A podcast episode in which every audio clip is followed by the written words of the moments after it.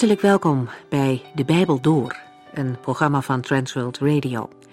De Bijbel Door is een radioserie die u in vijf jaar meeneemt door de hele Bijbel. Van Genesis 1 tot Openbaring 22.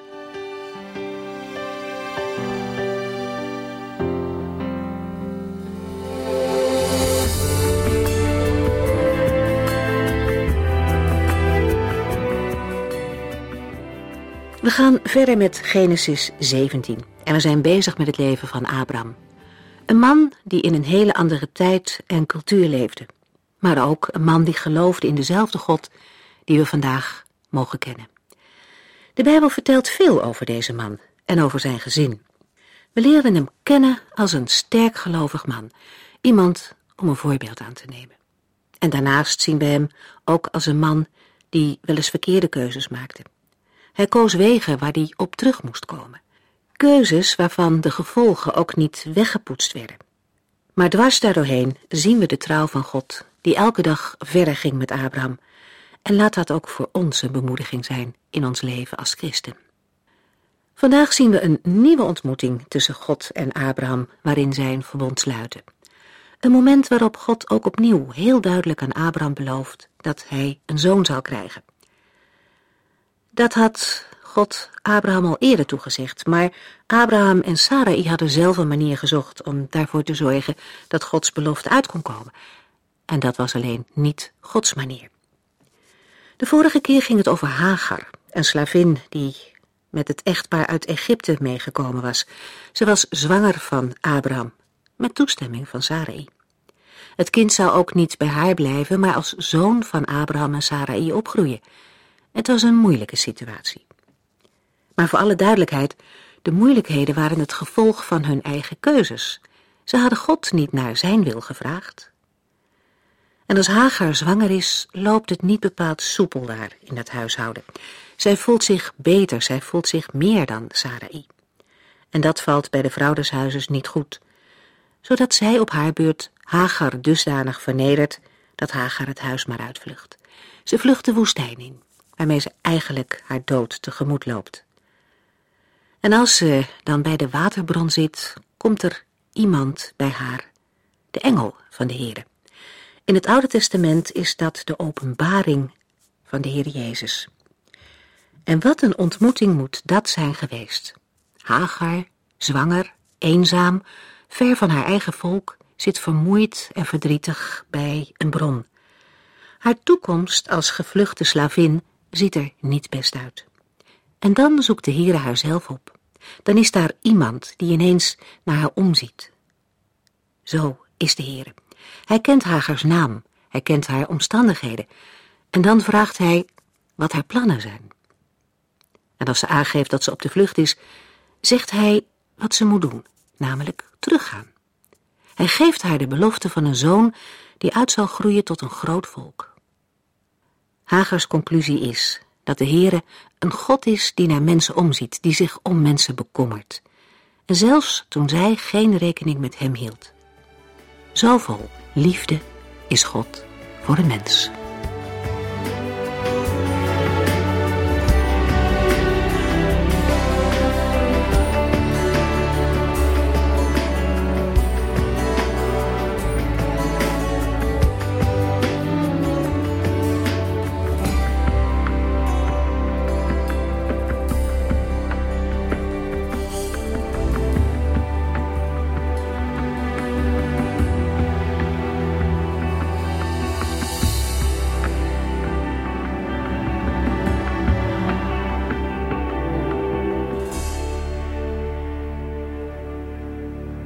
Vorige uitzending hebben we gezien dat God zich aan Abraham bekend maakt met een nieuwe naam, El Shaddai, God de Almachtige.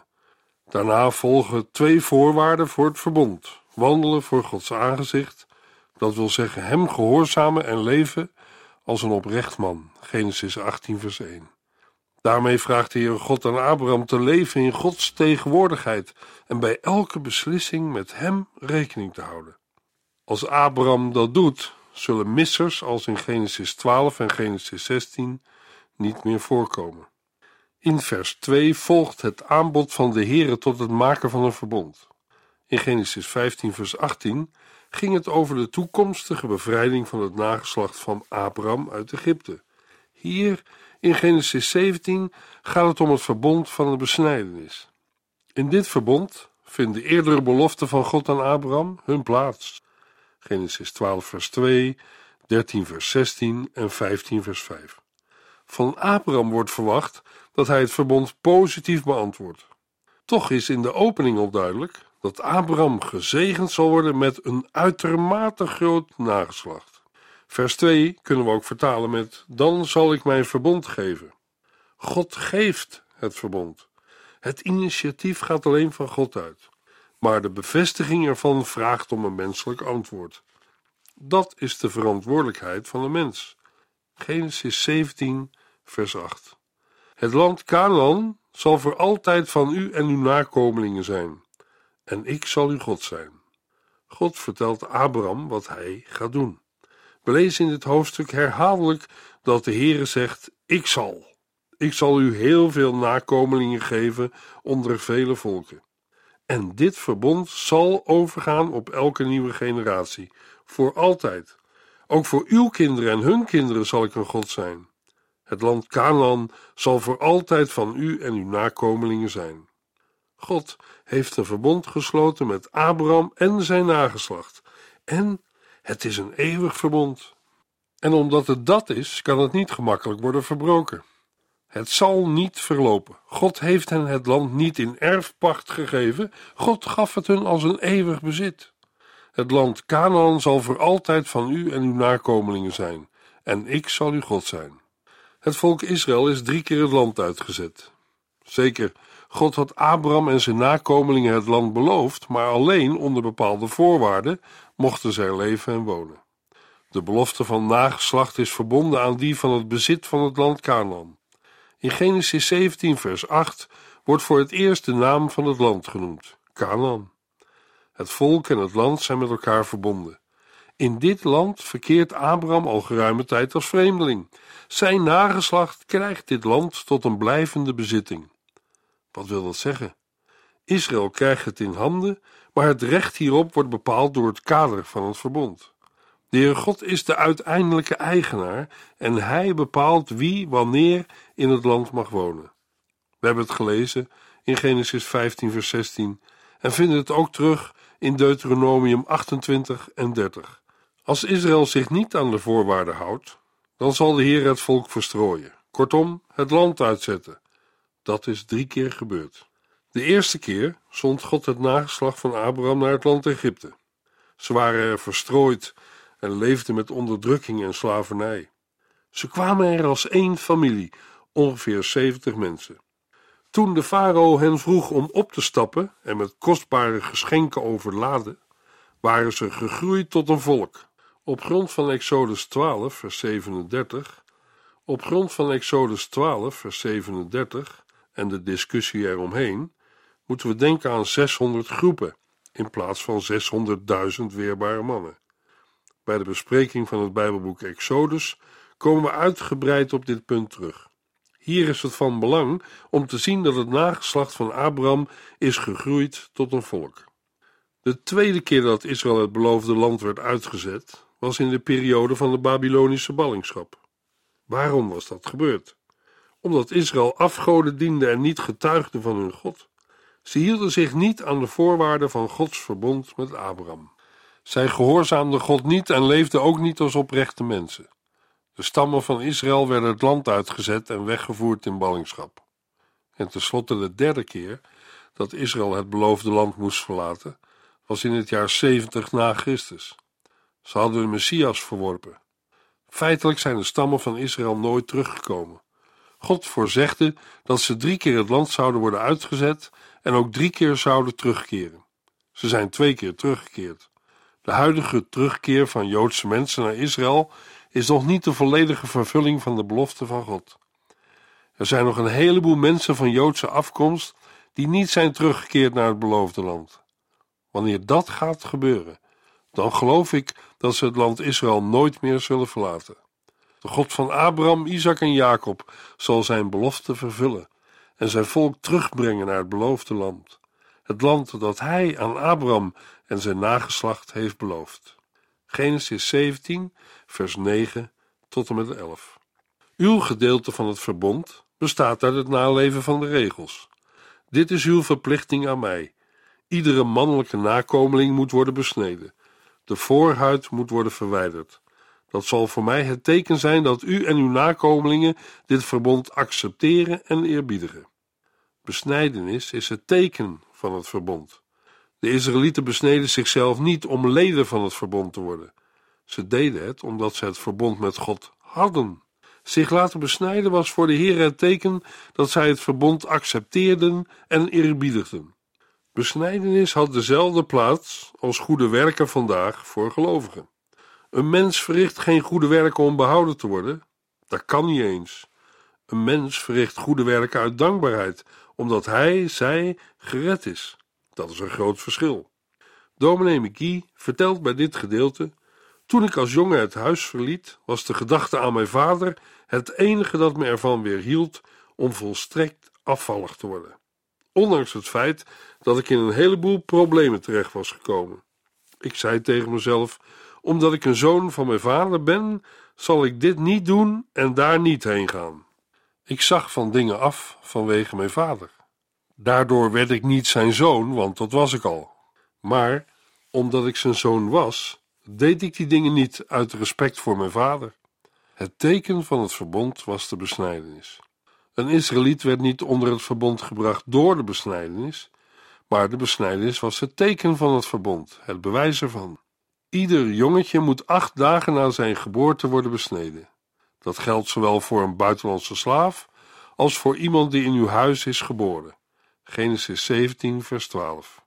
Als we in dit verband aan het geboortebericht van de Heer Jezus Christus denken, dan valt het op hoe precies en nauwgezet het verslag is.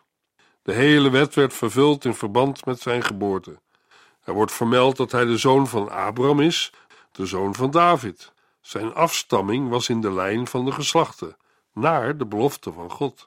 Hij werd geboren onder de wet, zegt Paulus in Galaten 4 vers 4. Op de achtste dag werd hij besneden. Genesis 17 vers 13. Dit is een blijvend teken van ons verbond en moet door uw hele nageslacht worden nageleefd. Iedere man moet worden besneden. Zo zal uw lichaam het teken zijn dat u deel uitmaakt van mijn eeuwig verbond. Samenvattend, de besnijdenis is het teken van het verbond. De Israëlieten hoefden zich niet te besnijden om daarmee het verbond te verkrijgen. God had het verbond al met hen gesloten.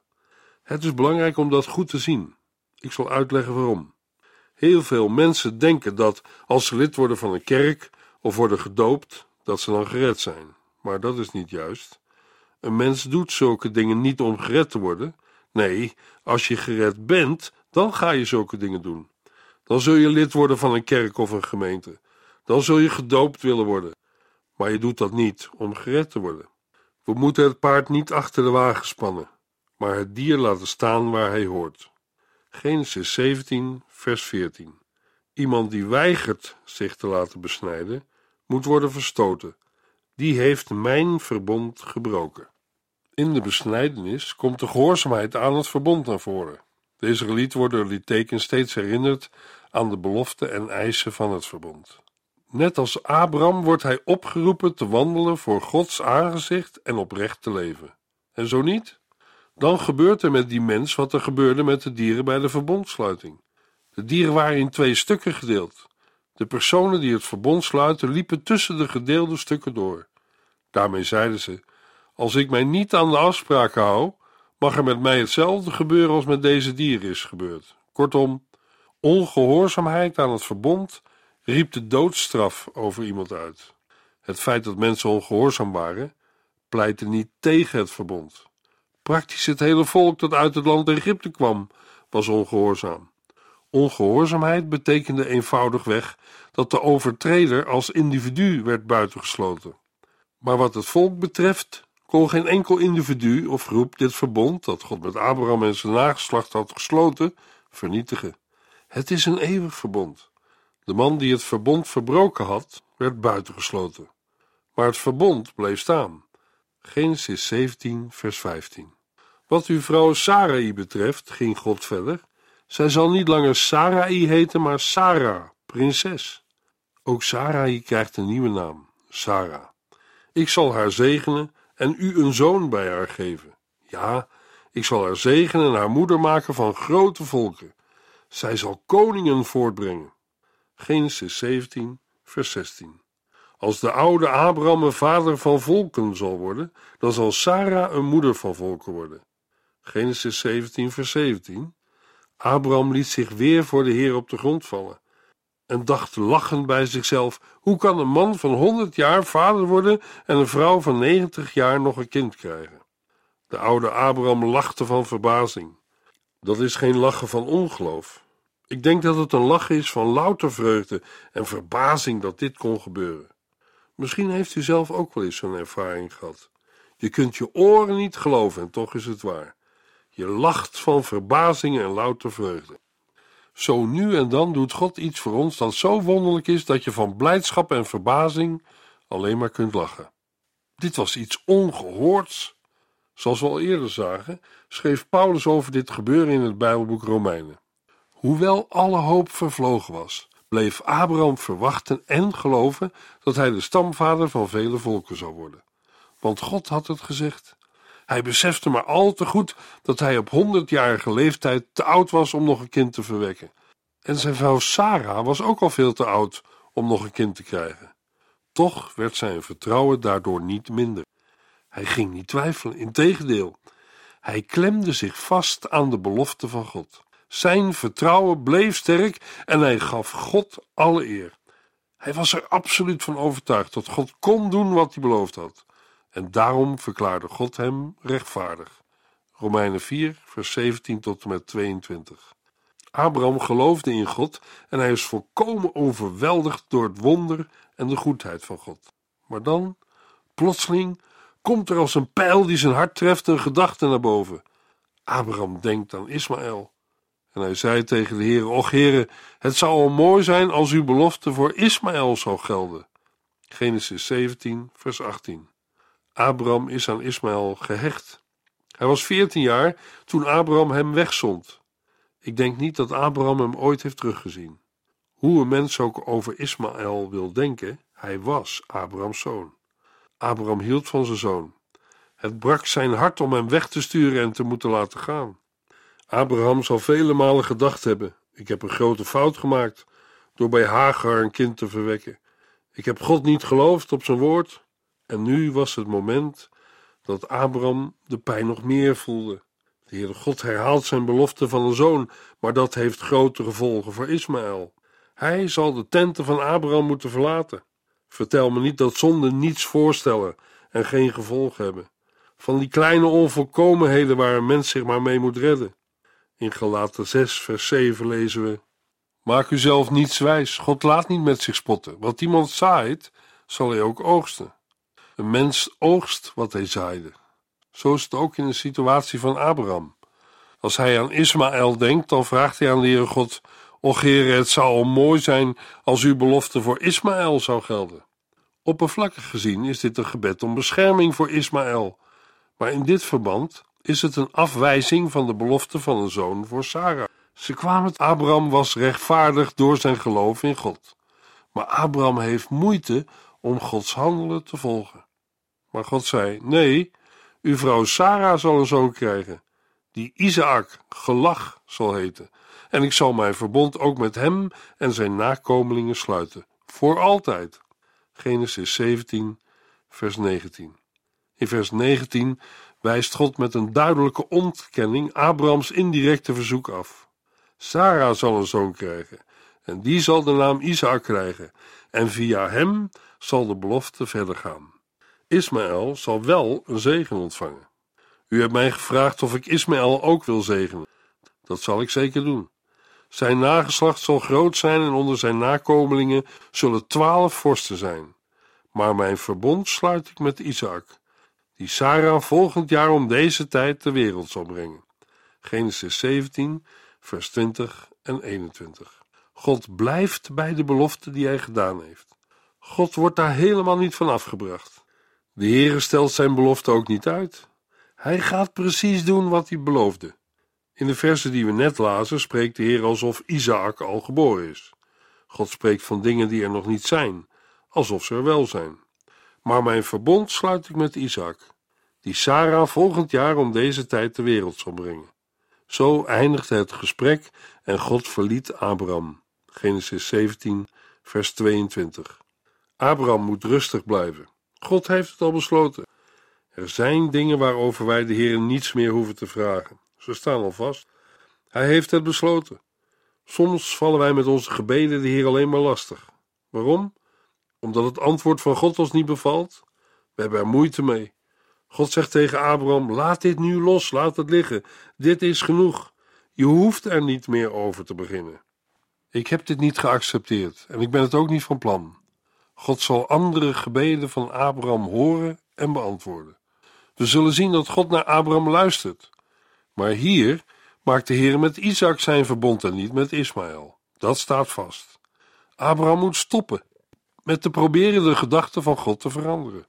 Heel veel mensen bidden vandaag voor dingen die God wellicht helemaal niet van plan is te verhoren of te beantwoorden.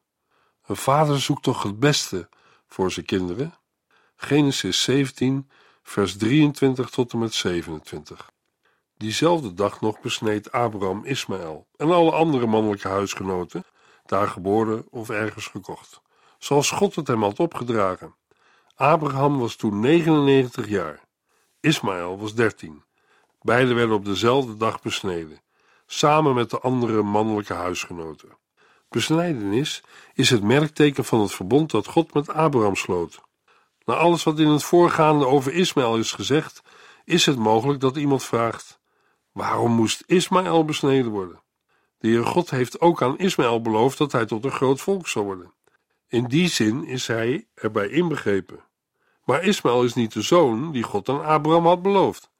Ismaël zal niet de vader worden van het volk dat God zal gebruiken, niet de stamvader van het volk waaruit de Messias zal worden geboren. Met het bericht over de besnijdenis van Abraham en Ismaël zijn we aan het eind gekomen van Genesis 17. God heeft een verbond met Abraham en zijn nageslacht gesloten. Al is Israël later meer dan eens ontrouw, en al wordt het volk als gevolg daarvan ook in ballingschap gevoerd en daarmee verdreven uit het beloofde land, toch beroepen de profeten zich weer op dit verbond met Abraham. Het verbond aan de Sinai, met zijn wetgevingen en bepalingen voor de dienst aan God, is tijdelijk. Maar dat geldt niet voor het verbond met Abraham. We gaan verder met Genesis 18 en 19. Hoofdstuk 18 is een vrij lang hoofdstuk. God vertelt Abraham van het oordeel over Sodom en Gomorra. Daarna zien we dat Abraham tussen beiden komt voor het aangezicht van God ten behoeve van de steden van de vlakte. In deze houding van Abraham kunnen we een illustratie zien van de zegen van een christelijke levenshouding, een leven in omgang met God. In Genesis 19 worden we meegenomen naar het bezoedelde leven in Sodom en Gomorra, naar Lot en zijn gezin. We zien de gevolgen van zijn besluit, Genesis 13 en 14, om zich bij en in Sodom te vestigen. Ook in deze geschiedenis liggen lessen die vandaag nog actueel zijn. Ook vandaag zijn er onder christenen mensen die echt geestelijk leven, maar ook christenen die vleeselijk leven. Paulus spreekt deze laatste groep aan in 1 Korinthe 3, vers 1 tot en met 3. Broeders en zusters, toen ik bij u was, kon ik u nog niet toespreken als geestelijke mensen. U leidde uw eigen leven en deed uw eigen zin. Uw verhouding met Christus was nog zo pril dat ik u alleen maar melk kon geven. U wordt blijkbaar nog door uw eigen verlangens beheerst. Dan bent u net als de ongelovige mensen. Ze hebben echt een puinhoop van hun leven gemaakt. Ze leven als ongelovige mensen. Ik zou voor geen moment willen suggereren dat ze hun redding zijn verloren. Paulus spreekt hen ook aan met broeders en zusters, maar ze hebben zeker al het andere verloren. Later zegt Paulus in hetzelfde hoofdstuk tegen hen: Als uw werk verbrandt, zult u verlies lijden. U zult zelf gered worden, maar dan wel door het vuur heen. 1 Korinthe 3, vers 15. Genesis 18, vers 1 en 2. De Heere verscheen opnieuw aan Abraham, die op dat moment bij het eikenbos van Mamre woonde. Op het heets van de dag zat Abraham in de opening van zijn tent en zag plotseling drie mannen aankomen. Hij kwam snel overeind en begroette hen. Opvallend is de gastvrijheid die Abraham aanbiedt. We spraken er al eerder over bij het vorige hoofdstuk. Een belangrijk punt is dat Abraham een erg hoffelijke en gastvrije man is. Mijn heer, zei hij, onderbreek uw reis hier even. Kijk eens, u kunt daar in de schaduw van die boom even uitrusten. Ik zal dan water halen om uw voeten op te frissen en u wat eten geven, zodat u er weer tegen kunt. Genesis 18, vers 3 en 4. Wij kennen de gewoonte niet om binnenkomende bezoekers de voeten te wassen. Het is wel een zeer oude gewoonte en nog steeds actueel in gebieden waar mensen op blote voeten of sandalen lopen. Wij kennen ook uit het Nieuwe Testament de geschiedenis van de voetwassing. De Heer Jezus was de voeten van zijn discipelen. Daar zit een geweldig geestelijke boodschap in. Hier zegt Abraham: Ik zal dan water halen om uw voeten op te frissen. Het was een teken van echte gastvrijheid. Als iemand een huis binnenkwam, hem zijn schoenen uit te laten doen en zijn voeten te wassen. In die tijd namen ze niet hun hoed of hoofddeksel af, maar deden ze hun schoenen uit. Het lijkt erop dat wij het hebben omgedraaid.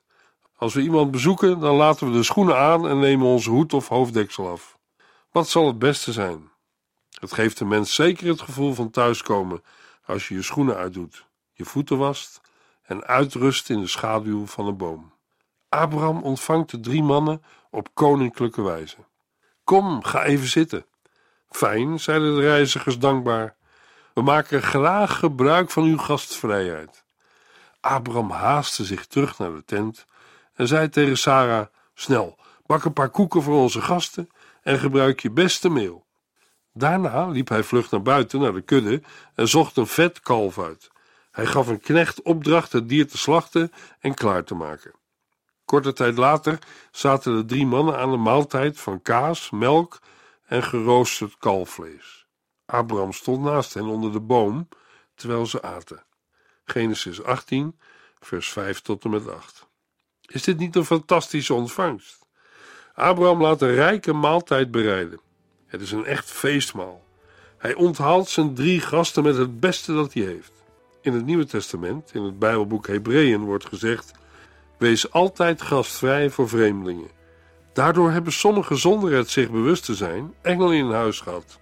Hebreeën 13, vers 2. Dat is Abraham overkomen. In het begin wist hij niet wie hij in werkelijkheid ontving.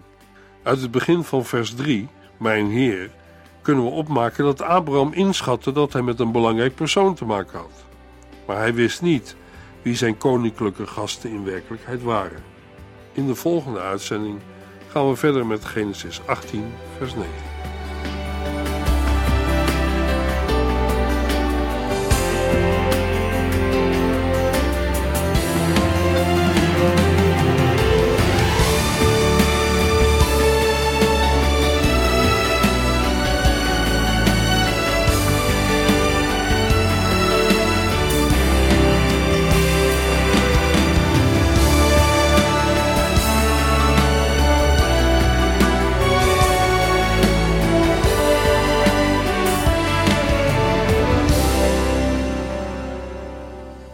Geluisterd naar De Bijbel Door. In het Nederlands vertaald en bewerkt door Transworld Radio. Een programma waarin we in vijf jaar tijd de hele Bijbel doorgaan. Als u wilt reageren op deze uitzending of u heeft vragen, dan kunt u contact met ons opnemen. Tijdens kantooruren kunt u bellen op 0342 47 8432. 0342 47 8432. 32. Ook kunt u een e-mail sturen naar de Bijbel door transworldradio.nl en natuurlijk kunt u ook via de post ons bereiken. TWR, postbus 371, postcode 3770, AJ in Barneveld. Dit programma werd gepresenteerd door Cor Weda en Ike André. Techniek was in handen van Odin van Woerdekom. En wij allemaal bedanken u voor het luisteren. Graag tot de volgende keer.